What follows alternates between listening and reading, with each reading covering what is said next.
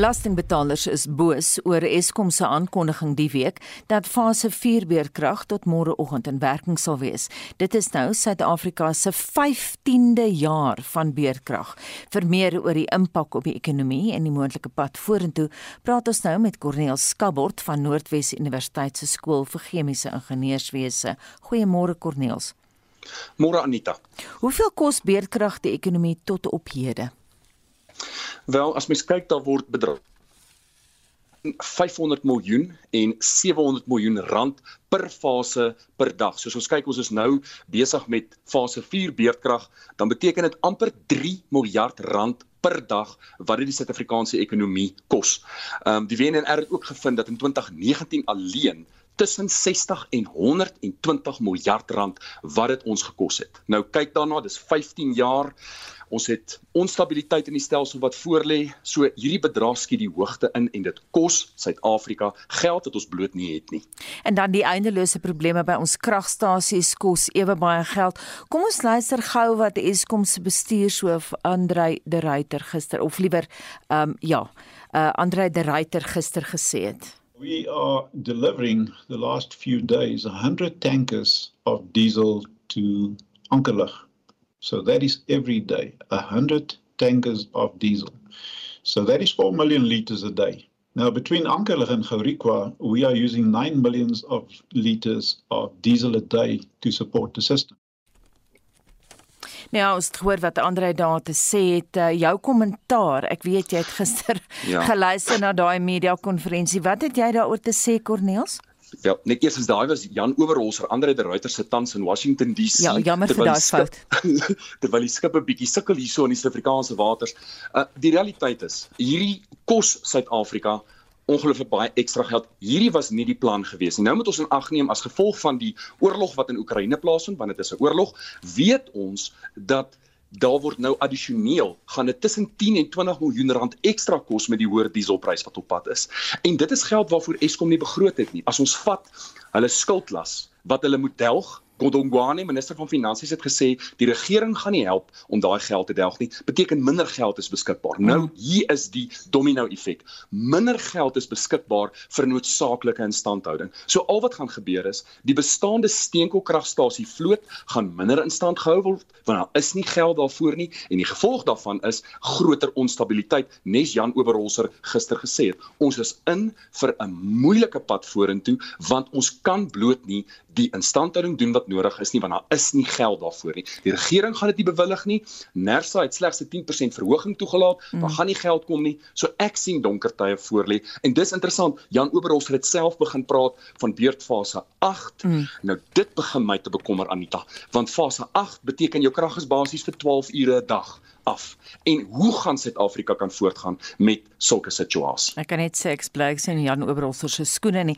Statistieke SA het nou gister gesê die bruto binnelandse produk het met 4,9% gegroei. Maar hoe volhoubaar kan daai ekonomiese groei wees as beleggers nie verseker kan word van kragvoorsiening nie? Baie goeie vraag Anita. Die, die feit van die saak is as daar nie sekerheid is van elektrisiteit nie, gaan maatskappye bloot nie investeer nie. Dit is 'n logiese beginsel. Ons verloor op buitelandse investering, ons verloor op plaaslike investering want die risiko is bloot te groot. So die realiteit is, dit kos die ekonomie so ongelooflik baie geld en dit beteken ek ek dit gaan my verstand te bowe. As ons vat laas jaar se verkiesing, een van die groot redes hoekom die ANC bloedneus gekry het by die munisipale verkiesingsveldtogte was omdat daar beurtkrag was. Die volk is kwaad en dit is alles Suid-Afrikaners. Nou as ek die president was in Suid-Afrika, sou ek letterlik gesê het ek trek 'n streep in die sand. Daar sal nie beurtkrag wees na 2022 nie en dit is nie onrealisties nie. Ons sit al vir 15 jaar met beurtkrag. Ons het genoeg kundigheid in hierdie land van ons om hierdie probleem al jare terug op te gelos het. Daar is bloot myns en siens nie meer verskonings vir Suid-Afrika se situasie nie. Kom ons praat bietjie oor Kuiberg. Wel, dis 'n ander voorbeeld en ek kry skaam, ek kan kan dit nie anders stel nie. Eskom het gesê hulle het beplan, hulle gaan instandhouding doen hmm. en een van die groot oefeninge is die verlenging van Kuiberg en dit sou hierdie jaar plaasgevind het. Dit sou 5 maande nou gewees het en dan weer 5 maande later en alles sou reg gewees het. 2023 sou ons ingegaan het met Kuiberg wat hmm. weer ten volle kapasiteit lewer. Nou sê hulle, nee, die beplande werk, die beplande werk let wel kan nie voortgaan nie want hulle beplanning was nie 100% in lyn nie. So dit gaan nou oorspoel na 2023 toe. Dit beteken ons netwerk het 'n addisionele 6 maande volgende jaar risiko van een fase beurtkrag addisioneel tot wat ook al tans die geval is. En daardie is niemand se skuld nie want dit is of dan swak kommunikasie, dan is dit verkeerd gekommunikeer, maar aan die ander kant hierdie is uit en uit swak beplanning. Ek het nie 'n ander woord daarvoor nie. Mhm. Mm Corneels, hoekom word die onafhanklike kragverskaffers nie beter benut nie? Vra dit. Die feit van die saak is ek, ek kyk na 'n land soos Vietnam. Hierdie is 'n voorbeeld en ek weet ek gaan oor sonkrag praat en voordat almal vir my met klippe gooi en sê maar wat van die batterye, hoor net eers wat ek wil sê. In 2019 was daar sonpanele in Vietnam. Dit is Vietnam. Vietnam is nie eers 'n ekonomiese reus nie. In 2019 het hulle gesit in hulle land met 378 megawatt. Dis niks. Sonkrag in terme van sonpanele op dakke van residensiële en industriële eiendom. Daardie getal van 378 het in 1 jaar opgegaan na 9300 megawatt. Dis 9000 megawatt meer. Hoekom? want hulle het die privaat individue en maatskappye 'n geleentheid gegee om op 'n sinvolle ekonomiese wyse te kan deelneem aan die ekonomie. Nou so iets kan baie vinnig help. Daar's baie kenners wat sê dan hoef jy nie lande wat vrugbaar moet wees en kos moet voorberei. Jy kan dakke van huise gebruik. Dit is reeds iets wat 'n verskil kan maak. Nou ek weet mense gaan sê, maar wat van deur die nag? Kom ons begin net dan ten minste by die dag. dat ons ten minste net kan sê want dit is iets wat Andre ag wat wat Johan Jan Owerholz gister gesê het. Hulle moet hierdie dag hierdie oop siklus gasturbines ook hardloop hmm. en hulle moet fase 4 beerdkrag hê want hulle moet die damme se vlakke lig. Nou gebruik dan hierdie surplus sonkrag gedurende die dag om ten minste die turbines af te skakel wat vinnig weer in die aande aangesit kan word en om die damvlakke gedurende die dag op te stoot daarso. Hierdie gaan die regering niks kos nie. Al wat hulle moet doen is hulle moet die administratiewe rompslomp uitsorteer dat dit nie maande vat vir individue om krag te gaan terugvoer in die netwerk nie. Cornelius het 'n laaste vraag as jy net ja of nee kan antwoord asseblief.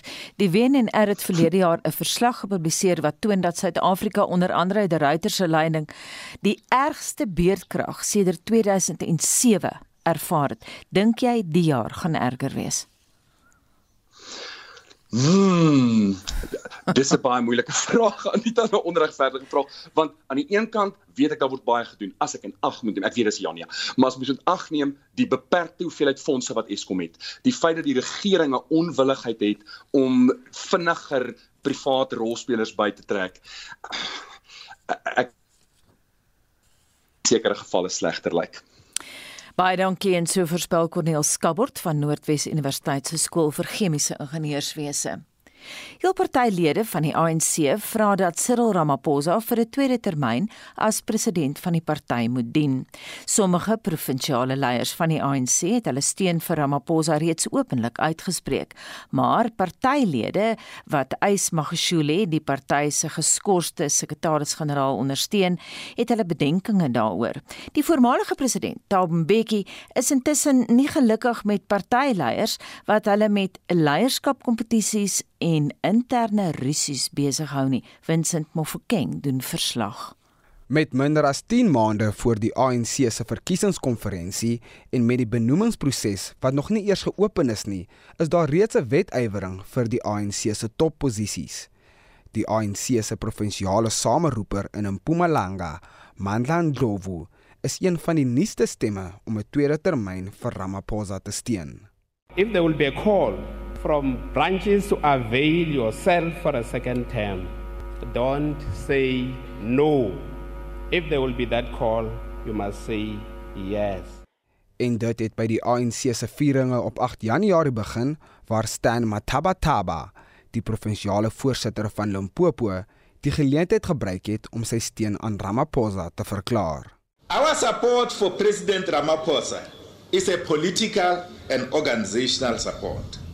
We support him because of his commitment to the project of renewal of the African National Congress and repositioning the ANC as a movement of the people. That is why, without fear of contradictions, Limpopo says Cyril Ramaphosa for the second term.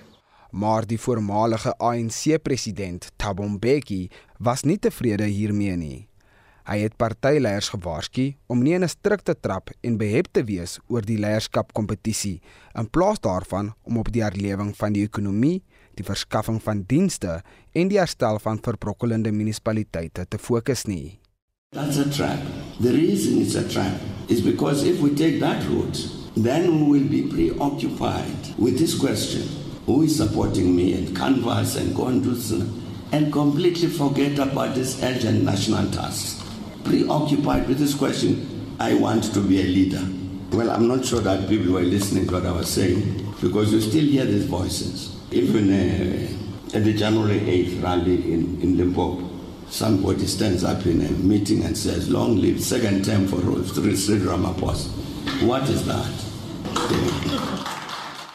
En 'n bietjie se ongelukkigheid word gedeel deur verskeie ANC en IK-lede, insluitend Tony Yengeni en nou ook die koördineerder van die Mpumalanga provinsiale taakspan, Lindiwe Nchalinchali, wat gesê het dit is voortydig om 'n tweede termyn vir president Ramaphosa voor te stel.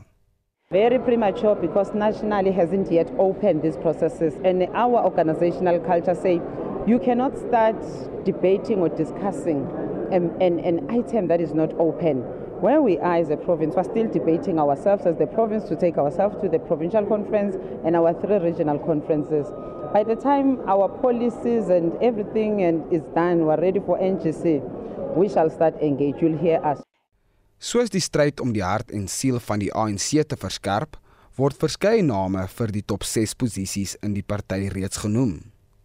Die verslag van Ntebo Mokobo in Johannesburg Akas Vincent Mufokeng vir SAI Garnis. Die Russiese minister van buitelandse sake Sergey Lavrov en sy Oekraïense eweknie Dmytro Kuleba vergader vandag in die Suid-Turkse stad Antalya om die situasie in Oekraïne te bespreek. Ons ondersoek die moontlike vrugte wat die vergadering mag dra vanoggend met professor Dirk Coetzee van Unisa. Goeiemôre Dirk. Goeiemôre Anita. Dirk, jy het aan die verlede dikwels klas gegee in Ankara en jy moniteer die Erdogan regering. Die Turke sê hulle kan dalk in die geskil bemiddel omdat hulle op goeie voet met beide lande is. Nou ons weet Turkye deel 'n maritieme grens met Rusland en Oekraïne, maar hoekom dink jy of hoekom dink hulle hulle sou 'n rol kon speel? Maar die, ek dink een van die heel belangrikste faktore is dat al drie lande is swartsee lande. Ehm um, al drie van hulle het lang kusgebiede aan die Swartsee. Ehm um, Turkye is die sleutel tot die Swartsee deur die Dardanelles en die Bosporus seestrate wat baie naby aan aan Istanbul is. Ehm um, en dit bepaal tot watter mate byvoorbeeld die NAVO vloot uh, sowel as die Russiese vloot in daardie gebied kan ingaan. Ehm um, saam daarmee is is dit natuurlik is is die die Swartsee een van die grootste hand, of besigste handelsgebiede in daardie omgewing. So dit is in terme van geografie sowel as in terme van geskiedenis. En byvoorbeeld die feit dat Turkye is 'n lid van NAVO, um, en hy speel dus maar is nie noodwendig 'n onkritiese lid daarvan nie. So aan die een kant kan hy dele van die NAVO aspek of NAVO beskouing kan hulle verteenwoordig in so 'n gesprek, maar terselfdertyd is hulle in terme van geografie nader aan Rusland en aan die Oekraïne. Ehm um, histories gesproke is dit is dit ook so. Ehm um, sowel as byvoorbeeld die die handelsbedryf tussen Rusland en Turkye is is baie omvattend. Ehm um, terselfdertyd het het Rus uh, het die Turke onlangs ehm um, um, voor die uh, die uh, oorlog nog begin het 'n militêre hulp aan die Oekraïne gegee. So daar's verskillende aspekte wat eintlik die situasie uitbalanseer uh, wat en wat tot gevolg het dat die Turke in 'n relatief goeie posisie is om so 'n gesprek te kan lei. Dirk, hoeveel beweegruimte sou die ministers van buitelandse sake hê of sal hulle voorgeskrewe opdragte uitvoer? Ja, hulle het 'n mandaat van wat hulle uh, by so 'n gesprek kan kan oorpraat. Um, En dit is nie 'n gesprek wat primêr hieroor gaan nie. Um, dit is daar's 'n byeenkoms in Antalya is in die suide van Turkye op die uh, Middellandse See. Uh -huh. um, en uh, dit word op die kantlyn van hierdie diplomatieke forum vind hierdie gesprek plaas. So dit is nie uit en uit net 'n uh, mediasie gesprek tussen hierdie twee lande nie. Sê vir my Dirk, as jy nou sê hulle het 'n voorgeskrewe mandaat, so dat nie baie beweegruimte nie, beteken dit dan dat die gesprekke eintlik gaan sneuwel want beide Rusland en Oekraïne gaan bly by hulle voorgeskrewe standpunte en basta met die res? Wel in die eerste plek is hierdie vroeg. Ehm um, daar as as mens kyk het die teoretiese hoogtepunt wat wat ons nou na konflikresolusie kyk, ehm um, moet daar eers eers 'n situasie wees van nou moet 'n dooiepunt ontwikkel. Um, dit moet 'n dooiepunt wat wees wat albei kante raak en hulle moet seer kry. Um, en dit is nog nou nog nie daardie punt bereik nie. So dit is ondersoekende by inkomste in 'n sekere sin miskien 'n manier om 'n kommunikasiekanaal tussen die twee um, te skep. Um, maar om te dink dat daar enige vorm van konstruktiewe substansiële gesprekke gaan plaasvind met moontlike besluite is is net onrealisties. Terwyl indien hierdie vergadering nou nie suksesvol is nie, jy sê dit is in elk geval te vroeg, sou opvolggesprekke hieruit kon voortspruit, dink jy? Ja, nee, definitief. Ehm um, en ek dink dit is wat ek bedoel met die feit dat dit eintlik 'n kommunikasiekanaal kan oopmaak. 'n Sekere aspekte wat miskien ter sprake kan kom is is die hele kwessie rondom 'n humanitêre uh, zones uh mhm. -huh. wat hulle wil probeer uh, verseker sodat mense wat uit, uit die Oekraïne wil vlug dat uh, burgerlik is sodat hulle dit kan doen. Maar oor die essensie van die oorlog um, en dit wat uh, Rusland wil bereik en dit wat uh, die Oekraïne miskien as kan gee in in as teenprestasie daarvoor dis uh, nog heeltemal te vroeg om daaroor te praat. Turkye het nou die Russiese inval in Oekraïne veroordeel en beskryf as onaanvaarbaar, maar terselfdertyd is die Turke nie voorstanders van sanksies teen Rusland nie. Dink jy Dirk Erdogan kan dit aanhou speel na beide kante toe? Ja, dit dit is wat Turkye is. Turkye is nie 'n uh, is nie deur die Europese Unie omarm nie.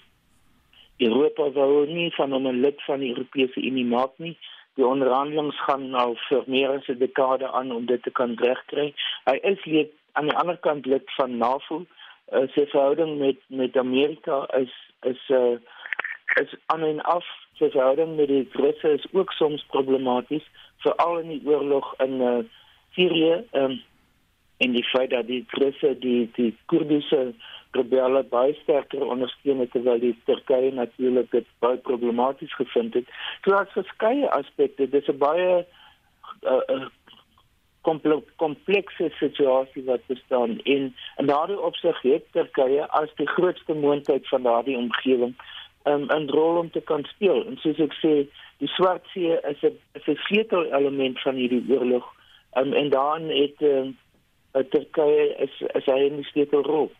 Enige ander internasionale rolspeler wat bemiddelaar sou kon wees dink jy Dirk?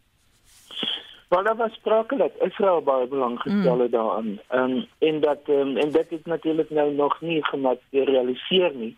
Ehm um, maar Israel het het 'n baie baie spesifieke verhouding spesifiek met Rusland en sê dat baie Russe wat geïmmigreer het na na Israel toe oor die, die laaste 20 jaar of of langer. Mm -hmm. um, en Israel probeer om 'n uh, om 'n groter rol te begin speel ook um eerstens in die Midde-Ooste maar tweedens ook in in ander dele van die wêreld onder andere in Afrika. Um en ek dink dit is een van die die die dit wat hulle sien as 'n geleentheid of 'n moontlikheid om hulle rol op, op die internasionale diplomatieke vlak te kan versterk. Baie dankie en so sê professor Dirk Kotse van Unisa. Ons hou jou later op hoogte oor daardie ongeluk in Johannesburg intussen Marenay het haar sit gemaak. Lyk my jy het my SMS terugvoer. Ja, net dat die mense gesels lekker saam oor of hulle kan agterkom wanneer iemand jok of lieg al dan nie. En hier is wat van ons luisteraars op die WhatsApp lyn sê en ek moet sê die politici word nie gespaar nie. Dit sien ek so baie in ons politieke gemeenskap hoe van die hoë lei politici wat aangekla is weens misdaad, hulle regsverteenwoordigers gebruik om namens hulle die sogenaamde liegwerk te doen. En weet jy daai mense is opgelei in regte, maar lyk my hulle is ook opgelei om te lieg en ek wil vir jou sê, hulle doen dit net op 'n meer diplomatisiese en 'n subtiele en 'n baie meer professionele manier. As jy wil die vermoë aanleer om te bepaal wanneer mense vir jou wil lieg, kan jy begin deur te kyk na die lippe van presidente van die FSA, Britse premiers wanneer vervanging ter sprake kom of enige inval in 'n land wat olie en gas reserves het of uitvoer. Aries Botha skryf op Facebook: "Jong alleen het die manier om 'n mens van self in te haal en die waarheid word maar altyd geopenbaar. So mense hoef nie eens iemand te probeer uitvang nie." Rex Bester sê ook: "Body language and my gut feeling was nog altyd my rigtingwyser. Oogkontak en lyfstaal spreek boekdele." En hy sê sy gut feeling was nog altyd in die kol. Hy skryf verder: "Ek het al talle van hierdie mense wat so probeer lieg ontmasker. Sommige kompulsiewe leenaars en en boonop bedrieërs loop lig. Hulle is inderdaad misdadigers. Jy het vir oulaas kans om te gesels en jou ervaring te deel met mense wat jou probeer om die bos lei het. Jy kan 'n WhatsApp stemnota stuur vir oulaas of 'n SMS 45891 R50 boodskap. Jy kan ook saamgesels op Monitor en Spectrum se Facebookblad. Operasie Dudula is 'n veldtog wat onwettige immigrante teiken. Nou die drama speel af in die Alexandra Township by Johannesburg, die eintlik amper deel van Johannesburg. Nou geweld het vroeër die week uitgebreek toe lede van Operasie Dudula toegeslaan het op winkels wat deur buitelanders besit word. Hulle is gedwing om hulle deure te sluit. Nou om die gebeure in perspektief te plaas, praat ons nou met 'n bestuurder van die Misdaad en Geregtigheidsplatform by die Instituut vir Sekuriteitsstudies en die is in Pretoria, Lizet Lancaster. Goeiemôre Lizet. Goeiemôre aan jou en aan jou luisteraars. Ons weet die van ons wat in Johannesburg woon, daai gebeure dophou. Alexandra is al baie baie lank 'n brandpunt. Geef vir ons die redes vir die ontstaan van daai veldtog operasie Tutula. Ehm um, dankie. Ja, so hulle is hulle is glo die Tutula beweging. Die operasie Tutula um groep wat in Soweto ge, gebaseer is, het hulle self van hierdie groep um gedistansieer. So dit lyk asof dit twee verskillende groepe is. Daar's ook 'n groep in Tembisa operasie Mayibule. En wat ons gesien het van die Soweto en die Mayibule groep in Tembisa is dat hulle gedurende die geweld in Julie laas jaar, um die die laaste um uh besigheids ehm um, jy weet ehm um, mols en goederes beskerm het. Mm. So hulle voel nou baie jy weet bemagtig half om hulle gemeenskap te beskerm van wat hulle dink ehm um, jy weet veral ehm um, die oorseese mense teen hulle doen terwyl die beweging te Dula hierdie ehm um, in Alexandra lyk like my baie um problematies is en dit is ook nou maar 'n stappe van vergelyking want hulle almal is vigilante groepe. Mm. Uh, maar hierdie groep lyk my steur hulle baie min aan aan die reg en hulle is nogal openlik. Ek glo hulle het maandag daar geloop met bakstene, panga, selfs gewere. En hulle sê die polisie is aan hulle kant, maar ehm um, ek dink die polisie weet nie mooi wat om met hierdie groepe te doen nie. Dit laat mens dink aan die gebeure van 2008, die aanvalle, die xenofobiese aanvalle destyds. Onthou jy? Ja, dit is en dit is waarvoor ons vrees. Daar was ook sulke tipe van dinge in 2015 en so aan. Mm. En ons sien al vir 'n ruk vir al op sosiale media. Jy weet hierdie put South African first hashtag wat wat oral um kop uitsteek.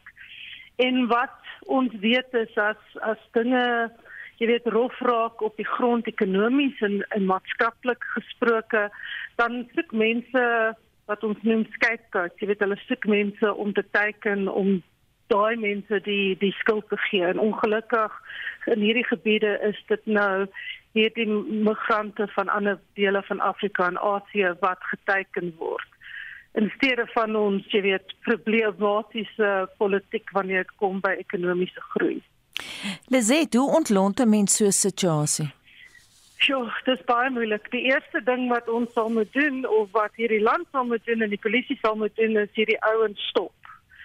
Ehm um, dat jy weet hulle nie wegkom nie meer nie want dit lyk asof hulle wegkom nie meer. En ek bedoel hierdie maak die ekonomie van Alexandra seer. Selfs die die tannies wat jy weet ook goedjies verkoop wat Suid-Afrikaans sê dat hierdie nie goed is vir hulle besigheid nie. Mm.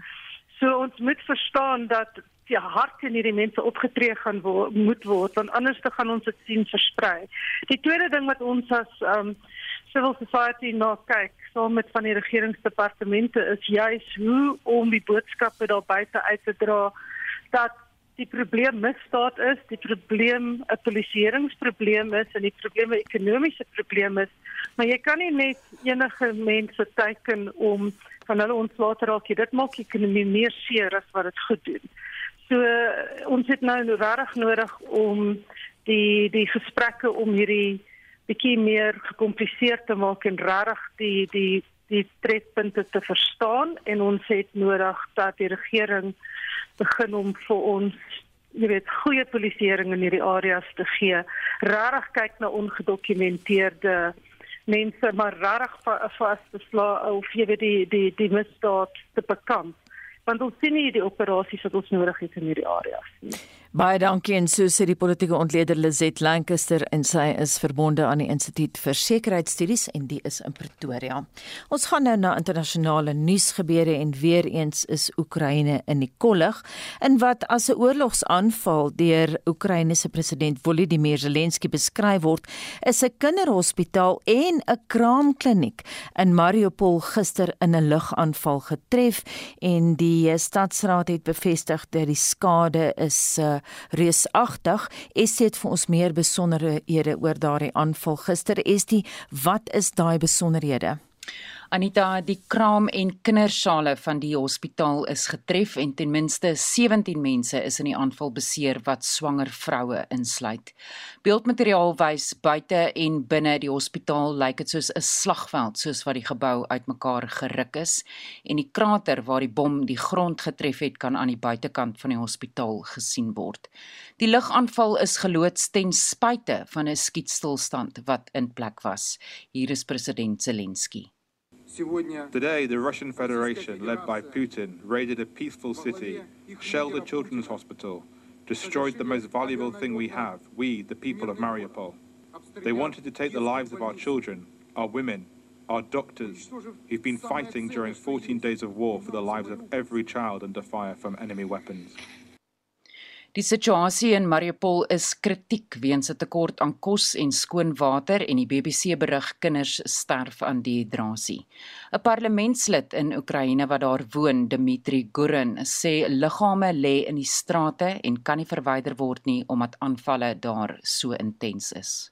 Bodies really lay on the streets. People don't have heating, gas, electricity, water in the city. They prepare food on the open fire. They don't have any access to medicine. The emergency unit in the central hospital was bombed and ruined. The maternity hospital today was ruined with the women and the newborn in. Yesterday, they made a first mass grave for more than 30 people because the cemetery is inaccessible and shelling is uh, not stopping. Die bestuurshoof van die internasionale reddingskomitee, David Miliband, sê dit is 'n oorlogstaktiek van vyande om inwoners in beleerde stede soos Mariupol vasgekeer te laat en dis 'n oortreding van internasionale wetgewing. This is a tactic that's obviously been used throughout history. Uh, in recent European history, it was used in Sarajevo in the Balkans uh, in the 1990s. Uh, we've seen the denial of aid as an increasing tactic of parties to war around the world in, in Yemen, in Ethiopia, in northeast Nigeria, uh, now in, it seems, in Ukraine. And this is where the greatest danger on the humanitarian side is going to lie. People trapped inside cities in the cold, uh, potentially with their electricity cut off. Rusland het op 'n nuwe 12 uur lange skietstilstand ooreengekom om inwoners die kans te gee om te vlug uit 6 van die gebiede wat nou die ergste geraak word. Dit behels ook Mariupol, Estie. Ja, Anita, Oekraïne sê egter die aanvalle hou nie op nie, nie in Mariupol nie en ook nie in Izium naby Kharkiv nie. Die noordoostelike stad Okterka in die Sumy streek is ook oornag deur 'n lugaanval getref waar ten minste 3 mense en dit sluit 'n 13-jarige seun en 2 vroue dood is. Woonbuurte en 'n gaspyplyn is ook daar getref. In Sumy kon egter nog mense na veiligheid vlug en sowat 7000 mense kon tot dusver uit die stad vlug na 'n stasie in Poltava waar hulle nou wag om met treine verder geneem te word. Intussen is Oekraïne bekommerd oor die situasie by die voormalige kernaanleg, dis nou by Chernobyl, en ons weet Russiese soldate het sowat 2 weke gelede op daai aanleg beslag gelê. Oekraïne se staatsenergiemaatskappy het gesê die kragtoevoer by Chernobyl is van die nasionale kragnetwerk afgesny. En internasionale media berig Oekraïne sê dit is moontlik dat die kernaanleg daar binne 48 uur kan begin om bestraling vry te stel nadat dit van die nasionale netwerk ontkoppel is. Oekraïne eis nou dat Rusland 'n dringende wapenstilstand handhaaf sodat herstelwerk aan die kernaanleg gedoen kan word. Intussen sê die Withuis dat Rusland moontlik 'n chemiese of 'n biologiese wapenaanval op Oekraïne beplan. Die Withuis se media sekretaris Jen Psaki sê almal moet wakker slaap en Rusland het die FSA daarvan beskuldig dat hy biologiese wapenlaboratoriums in Oekraïne het en ook chemiese wapens in die land ontwikkel. Maar Psaki het die aantuigings as belaglik afgemaak en dit is slenter genoem om verdere voorbedagte aanvalle op Oekraïne te probeer regverdig. Die FSA het bekend gemaak tussen 5 en 6000 Russe is in die afgelope 2 weke in die oorlog dood en tussen 15 en 18000 Russiese soldate is sover beseer. Baie dankie dit dan Estie met 'n oorsig oor die situasie in Oekraïne. Ons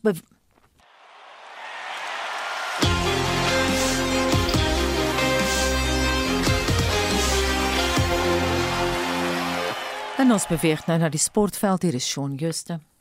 En ons sportbydra kaartjies vir die eerste boktoets van die jaar word beskikbaar gestel. Ons kyk na van gisteraand se sokkeruitslae en verskeie golftoernooie begin vandag. SA Rugby het gister aangekondig dat kaartjies vir die wêreldkampioene se eerste toets van die jaar vandag. SA Rugby het gister aangekondig dat kaartjies vir die wêreldkampioene se eerste toets van die jaar nou beskikbaar is. Die Springbokke meet op 2 Julie op Loftus Versveld in Pretoria teen Wallis kragte en kaartjies wissel van 150 tot 850 rand. Kaartjies vir die tweede en derde toetse in Bloemfontein en Kaapstad is ook reeds beskikbaar. Cricket. Die Windies het dag 2 van hulle eerste toets in Antigua teen Engeland op 202 vir 4 in hul eerste beurt in antwoord op Engeland se eerste beurtelling van 311 geëindig. Nkrumah Bonner op 34 en Jason Holder op 43 nie uit nie is voor die penne. Johnny Bairstow het 140 lopies vir Engeland aangeteken. Sokker. Manchester City en Real Madrid het by Bayern München en Liverpool in die kwartfinale van die Kampioene-liga reeks aangesluit. Madrid het Paris Saint-Germain gisterand met 3-1 geklop en City en Sporting Lisbon het 0-0 gelyk op speel. City wen algeheel 5-0 en Madrid algeheel 3-2. Maruma Gallants het Orlando Pirates gisterand in die Nedbank beker se laaste 16 ronde met 5-4 na uitskiedoele geklop en is ook nou deur na die laaste 8. Op die golfbaan slaan die PGA Tour se spelerskampioenskappe vanmiddag kwart voor 2 in Ponte Vedra Beach in Kalifornië af. Dit is 'n indrukwekkende veld van 144 spelers wat 48 van die wêreld se top 50 bevat. Dit sluit die top 3, Gonram van Spanje, Collin Morikawa van die VSA en Victor Hovland van Noorwe in. Die ses Suid-Afrikaners wat deelneem is Louis Oosthuizen, Erik van Rooyen, Dylan Fratelli, Gary Gigo, Brandon Grace en Charles Schwartzel. Die Amerikaner Justin Thomas is die verdedigende kampioen. Hier in Suid-Afrika, die Sonskyn en DP Wêreldreeks se My Golf Life oop half 7 reeds naby Hartbeespoort dan begin. 'n Hele reeks Suid-Afrikaners is in aksie en van die groot name sluit Dean Burmester, Oliver Becker, Justin Harding, Wilco Ninaber, Shaun Norris JC Ritchie en Daniel van Tonderen om net 'n paar te noem. En in vroue golf vir die LPGA Tour se Honda Classic vanoggend 3 uur in Thailand begin. Ashley Buy is die enigste Suid-Afrikaanse verteenwoordiger op die lys. Die top 3 vroue, Jin Young Ko van Suid-Korea, Nelly Korda van die VSA en Lydia Ko van Nieu-Seeland se name verskyn nie op die lys nie. Die voormalige wêreldnommer 1, Arya Jutanugan van Thailand, was die wenner in 2021. En laastens in tennisnuus. Die wêreldnommer 2, Barbora Krejcikova van die Tsjechiese Republiek, het uit die Indian Wells Meesters toernooi met 'n armbesering onttrek. Sy was die eerste gekeerde speler nadat die wêreldnommer 1 Ashley Barty van Australië verlede week onttrek het. Shaun Schuster, RSG Sport. En ons bly by sportverwante sake. Die Suid-Afrikaanse naloper Tando Dlodlo is vir 2 en 'n half jaar geskort nadat hy positief getoets het vir onder meer testosteroon. Dlodlo het in Mei verlede jaar saam met Akani Simbine, Gift Leotlela en Clarence Munwai aan die wêreldatletiek afloskampioenskap in Pole deelgeneem. Suid-Afrika het die 4x100 meter aflos gewen en Dlodlo se positiewe toets beteken nou dat Suid-Afrika van daardie goue medalje gestroop kan word. Ons praat nou met Chris Hatting. Hy is 'n voormalige lid van die Instituut vir Middelvrye Sport. Goeiemôre Chris. Goeiemôre Anita. Chris, wat het hier gebeur? Wel, uh daar's 'n positiewe toets uh, wat plaasgevind het. Hy's hy's getoets uh in uh begin April by die Suid-Afrikaanse kampioen in op die uh, middel April tydens die Suid-Afrikaanse kampioenskappe en daar het toe die positiewe testosteron toets uitgekom. Maar is hierdie toetse dan nie gedoen voordat hy deelgeneem het in Pole nie? Wat het daar fout geloop? Ja. Hoekom is dit nie uitgewys nie? Wel, daar daar verloop altyd maar 'n tydjie uh, van monsterneming tot tot mens die toetsuitslag kry. In hierdie geval is daar die sogenaamde IRMS prosedure wat ook ge, uh, gevolg moet word. Dit word gebruik uh, by uh, die toetsing van testosteron. Dit is baie gesofistikeerde toets uh juis om te onderskei tussen sintetiese testosteron en mense eie testosteron. Uh tans in die meeste gevalle word uh, Suid-Afrikaanse monsters dan uh, van ons laboratorium af na die buiteland gestuur, België en ander laboratoriums waar dit dan getoets word en dan bevestig word. So dit dit neem bietjie 'n tydjie. Daarna volg uh is 'n skorsingsperode, 'n verhoor en en dan uit uh, uiteindelik die straf. Hoekom jy is België? Uh nie noodwendig België nie, maar by enige WADA geakkrediteerde laboratorium wat op daardie stadium uh, redelik vinnig daarna kan kyk. Uh verskeie laboratoriums word gebruik, maar dit moet 'n WADA geakkrediteerde uh, laboratorium wees wat dan ook uh, die uh IRMS of ja IRMS uh, toetsing bevestiging kan doen. Chris, ons het nou in die inleiding verwys na die feit dat Lodlo onder meer vir testosteroon positief getoets het. Enige ander middels waarvoor hy positief getoets het waarvan jy weet? Uh, uh dis nie bekend of uh die, hierdie hierdie geval is is baie stil gehou en uh, uh al wat gerapporteer is uh deur Suid-Afrikaanse Instituut vir Dwelmvrye Sport en ook WADA is testosteron. Hierso uh, moet mens uh, onthou dat testosteron in alle mense se liggame voorkom, maar waar daar gemanip waar daar manipulasie plaasvind, is daar 'n verskil tussen die uh testosteron en epitestosteron vlakke wat gewoonlik in 'n verhouding van 1 tot 1 moet wees, maar ook bietjie variëteite hê. So waar dit dan uh oor daardie 4 tot 1 verhouding gaan, wat wat dui op die toediening van testosteron dan word daar verdere ondersoek ingestel soos in hierdie geval en dan wat dit dan kan lei tot 'n uh, 'n positiewe toetsing en skorsing. Vertel vir ons 'n bietjie oor daai skorsingstydperk. Ons het nou verwys na die feit hy is vir 2 en 'n half jaar geskort. Is dit normaal? Uh Nee, dis nie normaal nie uh, vir oortredings soos hierdie uh, enige oortreding wat anaboliese androgene steroïde uh insluit is dit gewoonlik 4 jaar. Uh die, wat ons hieruit kan aflei dat, daar slegs 30 maande is 2 en 'n half jaar is is dat daar uh 'n voorsiening gemaak word soos in die reëls dat hy aansienlike samewerking gee in die oplossing van hierdie saak. Maar uh 'n 4 jaar skorsing uh, is gewoonlik die die die norm en nie net vir atlete nie maar ook vir afrigters en selfs in die geval van Rusland. Rusland is vir uh 4 jaar uit die uit die uh, as 'n land uit uh, alle sport uit geskort weens uh, opkikker oortredings. Baie dankie en so sê 'n voormalige lid van die Instituut vir Middelvrye Sport Chris Hatting. Die parlementêre portefeulje komitee oor binnelandse sake sê hulle het meer tyd nodig om die gewysigde kieswet af te handel. Die wetsontwerp beoog om die wet te verander sodat burgers as kandidaate vir die nasionale parlement en provinsiale wetgewers kan staan. Die komitee se openbare verhore hieroor het in Limpopo en KZN begin. Die konstitusionele hof het die parlement nou tot Junie tyd gegee om die verkiesingsstelsel te hervorm. Heinrich Weingart het meer meer. Die parlement sal die konstitusionele hof nader om die sperdatum vir die afhandeling van die wetsontwerp te verleng. Dit is nou volgens die portefeulje komitee oor binnelandse sake.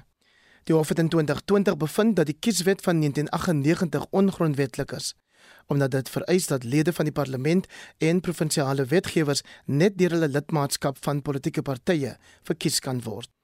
Die voorsteur van die komitee, Mossa Shabani, sê hulle het uitstel nodig omdat hulle nou maar pas met die openbare verhore begin het. The Constitutional Court gave us a judgment to complete this task on the in June in this year. We've noticed that we're not going to make the date. We've taken a decision to approach the Constitutional Court and ask Parliament to do that process. This process is going to be intense because we have to consult all stakeholders we must take a report to the National Assembly. After the National Assembly consider it, must take it to NCOP. Not going to be in terms of our result. Daar was baie mense by die binnenshuise sportsentrum in Tohoyando om 'n kommentaar op die wetsontwerp te lewer. Esther Makomisi sê sy steun die wet maar dat onafhanklike kandidaate oor dieselfde kam geskeer moet word. We support the bill.